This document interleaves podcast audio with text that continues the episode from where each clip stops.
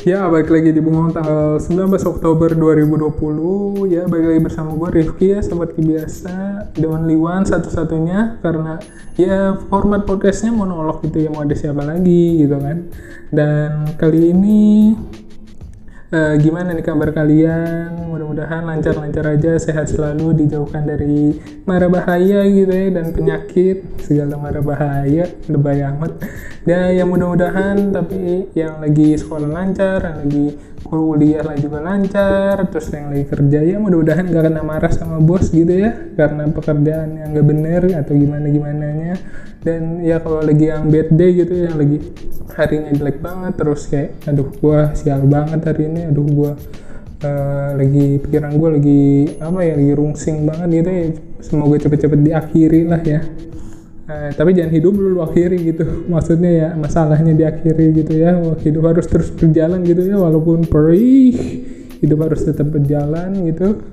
Dan ya semoga lancar semua sehat selalu dan ya uh, dan pandemi sudah masuk bulan ketujuh sekarang ya. Dia dihitung-hitung dari bulan apa sih? Pandemi Maret ya bulan ketujuh bener gak sih? Bener dong. Masuk bulan ketujuh ya semoga uh, tapi belum ya belum ada perubahannya. Dari segi angka positif per harinya masih di kisaran 3000 masih di kisaran 3000 dan ya semoga uh, cepat turun gitu ya. Dan walaupun sudah uh, ada uh, segelintir kabar bagus gitu ya yaitu vaksin-vaksin kabar-kabar kabar atau berita-berita tentang vaksin mulai banyak gitu ya. Ada yang dikembangkan sendiri ada yang impor gitu ya. Ya gue baca sih tahun 2021 sudah siap gitu ya untuk digunakan rakyat Indonesia gitu ya. Dan mudah-mudahan ya uh, lebih cepat lah diedar luaskan gitu ya. Dan uh, mudah-mudahan vaksinnya juga mujarab gitu. Jangan sampai kita pakai ternyata tidak ada efeknya. Vaksin abal-abal jangan sampai dong. Dan ya tujuh bulan kita hidup dalam kondisi pandemi gini ya banyak yang sudah berubah banyak yang sudah kita kita banyak kita beradaptasi dalam kondisi yang serba susah ini kan. Dan ya gimana ya ya dari hal kecil lah hal, hal kecil lu mau melakukan aktivitas sekarang ya. Mau aktivitas keluar rumah dulu apa sih? Dulu barang apa sih yang pasti nggak boleh ketinggalan lu bawa? Ya pasti kalau dulu kalau gue sih dompet handphone nggak boleh lupa headset headset headset terus power bank mungkin dan kabel casan gitu ya. Dan kalau sekarang pasti ada hal-hal yang ditambahkan gitu kan. Ya mulai dari uh, masker. Masker lu, lu sekarang udah kayak superhero gitu nggak boleh. Oh keluar harus pakai masker kan. Yang masker pertama terus hand sanitizer terus uh, ada ada sampai yang bawa alat makan sendiri ada yang bawa tisu basah buat ngelap-ngelap kan. Ya beda-beda sekarang udah uh, apa ya uh, konsennya buat diri sendiri pelindungan buat diri sendiri gitu ya dan uh, sesimpel kayak lu sekarang uh, gue uh, ya lumayan suka makan pinggir jalan soalnya gue suka banget ini ayam goreng. Uh, kayak penyetan lah penyetan lu tahu kan kayak, kayak sambal setan apalah ayam goreng lele goreng gitu kan makan pakai sambal itu sebuah kenikmatan yang hakiki gitu ya dan uh, yang enak-enak kan yang di pinggir jalan gitu ya dan sekarang gue aja dalam uh, adaptasi beradaptasi gitu gue milih tempat makan gitu yang gue ngelihat yang abangnya pakai masker gitu. Abang uh, mbak teteh neng nengnya pakai masker gitu kan. Iya ya nggak sih? Ya, kayak males nggak sih lu ngelihat uh, lu makan di tempat makan yang ngelayanin nggak pakai masker? Ya lu nggak tahu kan dia droplet lah ntar atau apa atau apa kan gitu. Salah satu tindakan pencegahan kita nah gitu sih. Gue uh, gue mengadaptasi kayak kalau gue pengen makan di luar ya gue harus cari tempat makan yang kira-kira aman dan ya kon uh, dan menurut gue yang bakalan hilang tuh konsep dari kobokan ya. Kobokan tuh konsepnya kan buat bukan bukan bukan buat cuci tangan dong. Setuju dong lu sama gue kobokan tuh konsepnya buat lu uh, uh, apa ya lu biar lu kalau makan nasi nasinya nggak lengket gitu karena lu udah kena air tangan lu. Kan itu fungsi kobokan kan jujur. Pasti lu kalau uh, sebelum makan nih sebelum makan sebelum makan kecuali sesudah ya. Sesudah pasti emang kobokan buat bersihin tangan lu yang kena sambal dan nasi itu kan. Sebelum makan lu pasti cuma celup celup celup biar tangan lu pas megang nasi nggak lengket. Udah itu doang kan. Dan itu ya kan nggak bersih banget nggak steril banget nggak bisa banget dipakai di masa pandemi sekarang ya kan? Bener nggak? Dan ya pasti kobokan sudah hilang gitu konsep kobokan dan ya tempat-tempat makan pinggir jalan harus memfasilitasi para pelanggannya gitu ya dengan nah ya naruh galon air lah yang ada kerannya terus kasih sabun cuci tangan supaya dia bisa survive gitu ya supaya pelanggannya nyaman gitu kan. Uh, itu juga si si apa si penjualnya gitu beradaptasi gitu kan dengan keadaan wah kita supaya pelanggan kita nyaman kita harus ada ini nih biar pelanggan kita kesehatan juga tetap aman gitu kan. Dan salah satu yang paling gue suka banget tuh kalau makan makan makanan pinggir jalan itu gue ke warkop. Ya gue sering banget ke warkop tapi gue bukan gue anaknya nggak ngopi gue warkop bukan ngopi tapi gue makan indomie gitu kan? Indomie itu indomie warkop itu udah the best gitu. Gue nggak tahu apa rahasianya si akang-akang atau teteh-teteh. Akang-akang atau teteh-tetehnya bikin indomie tuh pasti enak gitu. Indomie telur aja udah cukup gitu kan pakai irisan cabai rawit dan gorengan. Wah selesai udah selesai dan ya kalau andalan gua gua paling suka Indomie goreng sama kalau kuahnya gua suka Indomie Indomie ayam bawang eh, ya ayam bawang itu udah the best banget dan dia masih banyak uh, rasa-rasa lainnya gitu kan dan ya Indomie kan juga terus berkembang uh, uh, apa ya berkembang dari segi rasa gitu ya. Banyak banget Indomie yang dikeluarkan yang dikeluarkan akhir-akhir ini yang mengikuti zaman itu. Dari varian Indomie telur asin, terus ada yang apa?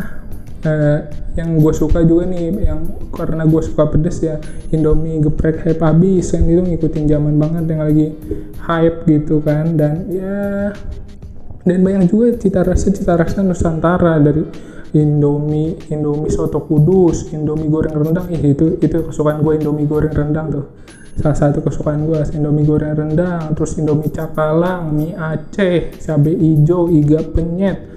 Tuh banyak banget Indomie gitu nggak Indomie nggak berhenti bervariasi gitu. Dan walaupun ya kita nggak bisa makan Indomie di uh, warkop kan Indomie juga gampang banget.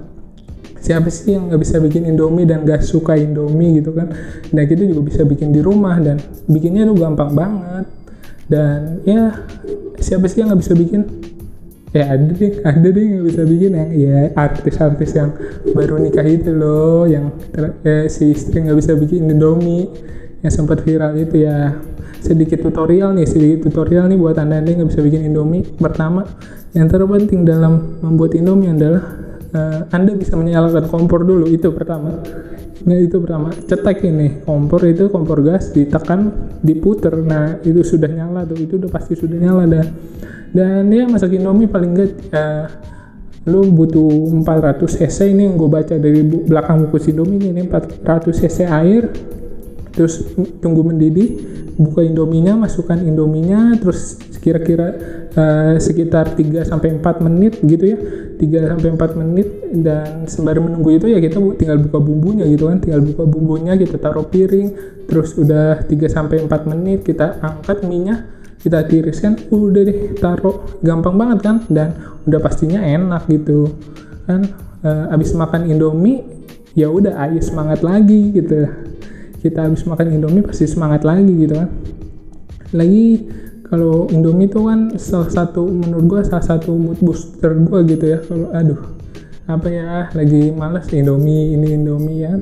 Udah asik banget pokoknya habis makan Indomie ayo semangat lagi.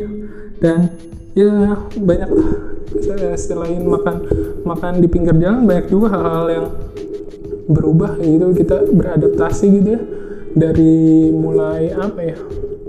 Dari mulai ya kita nggak sih nggak tersinggung nggak gampang tersinggung kalau orang eh, orang datang orang datang salaman kita nggak mau tuh. Orang pasti sekarang udah nggak tersinggung gitu kan. Oh dulu oh, kenapa gue kotor ya gitu? Pas sekarang eh ma cuci tangan dulu bro gitu kan. Cuci tangan dulu bro atau enggak kita eh, apa kayak apa sih tangan disatuin terus kita gini doang kayak ukti ukti gitu. Oh iya udah ngerti dia kalau dia lagi ngejaga jarak gitu dan coba kalau dulu kalau dulu kan pasti wah tersinggung dong orang. Kalau sekarang kan enggak. Terus sekarang juga kalau ada cerita lucu nih cerita lucu. Jadi eh, eh, anak kampus gue tapi beda fakultas gitu ya.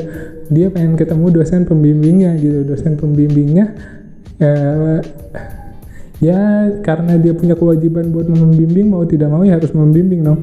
Dan ya udah akhirnya si anak suruh datang ke rumah suruh datang ke rumah tapi sampai sampai rumahnya disuruh mandi dulu tuh anak kan. Suruh mandi terus ganti baju ya kan? Ya dalam kondisi gini sih kita wajar-wajar aja kan. Coba dulu uh, ya lu misalnya assalamualaikum. Oh iya kamu nak. Ya iya kamu langsung mandi aja dulu. Ah langsung mandi? Pasti kok pasti kan kalau dulu kan kita merasa kayak gimana gitu ya. Uh, ya masa kita mau masuk rumah aja suruh mandi emang kita najis gitu kan? Ya, tapi kan kalau sekarang kan udah kondisinya eh, pandemi gini ya orang juga beradaptasi gitu kan ya mencegah gitu kan. Ya ya udah udah tahu gitu. Tapi kocak juga sih kalau dibayangin. Ih, assalamualaikum bu. Mau salim ya jangan jangan jangan salim mandi dulu mandi dulu mandi dulu. Terus mandi di rumah orang kan gak gimana ya? Gak enak gitu canggung kan. Mandi mandi. Mandinya juga nggak boleh kebiar kebiur kan. Nah nah jangan jangan buang jangan buang, mandi deh pergi biur ya di rumah orang dia tegur gitu kan. Lucu banget ya ya udah. Terus ya apalagi yang yang kita beradaptasi lagi? Ya salah satunya sih gue kangen ini uh, kangen apa kangen nonton bioskop ya dan. Uh, pasti ntar uh, kan kemungkinan nanti bioskop udah mau dibuka nih akhir-akhir ini. Dan pasti pasti dari prosedurnya dari kitanya juga banyak beradaptasi gitu ya. Uh, sebelum ke bioskop gitu yang biasanya ya tinggal pesan tiket gini gini ya pasti sekarang uh, barisannya diatur ini diatur kayak kan barisannya barisan saat ngantrinya diatur kan nggak boleh dekat-dekat ntar uh, tapi gue uh, baca beberapa artikel nonton bioskop cenderung aman sih nggak tahu nih masih relevan apa enggak gue baca sebelum sebelum psbb gitu kan. Gue baca karena nonton bioskop itu orang nggak ngomong gitu jadi kemungkinan droplet dan aerosol ada aerosol itu kemungkinan kecil kan dan orang nggak berhadap-hadapan orang menuju ke layar semua gitu di, terus dijarakin nggak ada kontak fisik terus uh, bioskop tuh apa tinggi. Uh, atapnya tinggi dan cenderung sirkulasi udaranya kalau atapnya tinggi lebih lancar gitu kan. Dan ya udah ternyata kan terus juga pas nonton bioskop ada jedanya gitu. Jadi setiap jeda dibersihin dikasih disinfektan bisa aman gitu. Yang gue baca sih itu tahu masih relevan apa enggak sekarang ya dan ya gue seneng banget sih kalau bioskop uh, udah dibuka lagi gitu. Gue ya nggak tahu gue akan coba sih.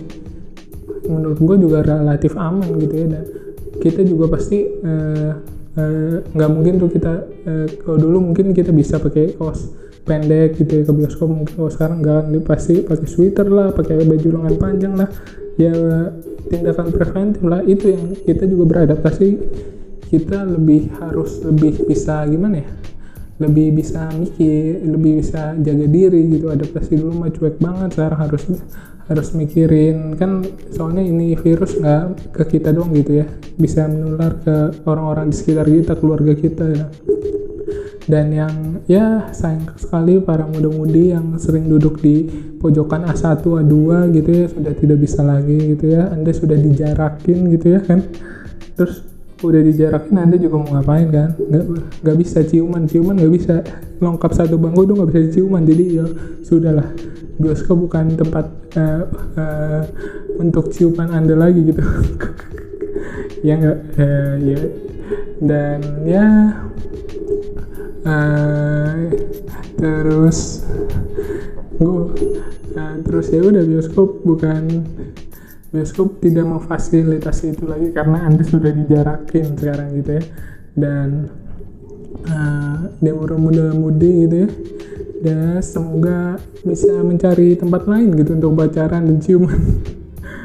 Ya ya. Tetap menjaga menggunakan protokol kesehatan. Apa sih? Cuman pakai protokol kesehatan enggak dong. Enggak ada enggak ada urusan gitu ya.